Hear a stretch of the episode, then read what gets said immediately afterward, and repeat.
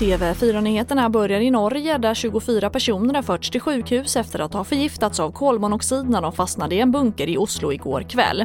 Enligt Tele2 Norge verkar ett ungdomsgäng på 200 personer olovligt ha festat i en nedlagd civilförsvarsanläggning. Sju personer hittades medvetslösa. Ingen ska ha fått livshotande skador men vårdas fortfarande på sjukhus. Och Indien ser nu en rekordökning av nya coronafall. 78 761 fall på ett dygn. Och det är det värsta smittodygnet i världen hittills. Ökningen sker samtidigt som de indiska myndigheterna har lättat på restriktionerna.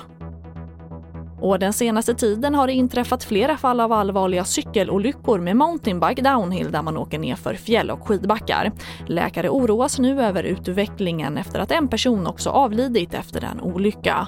Jag tror att man måste medvetandegöra för, för de som cyklar att det finns en risk för skador, både lätta och allvarliga och, och att man hela tiden måste måste så att säga bromsa sig lite även om det är roligt och spännande och inte cykla över sin förmåga.